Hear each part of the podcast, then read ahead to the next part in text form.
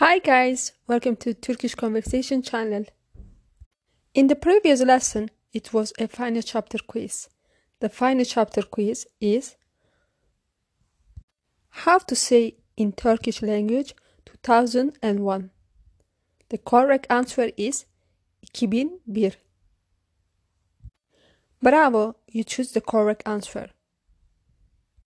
From today, I'm going to publish A1.2 of Turkish conversation lessons on my website turkishconversation.com.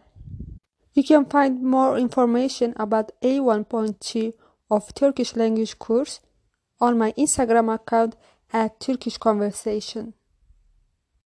Thank you for listening Turkish conversation lessons. Stay in tune with Turkish conversation lessons. Yeni bir derste görüşmek üzere. Hoşça kalın.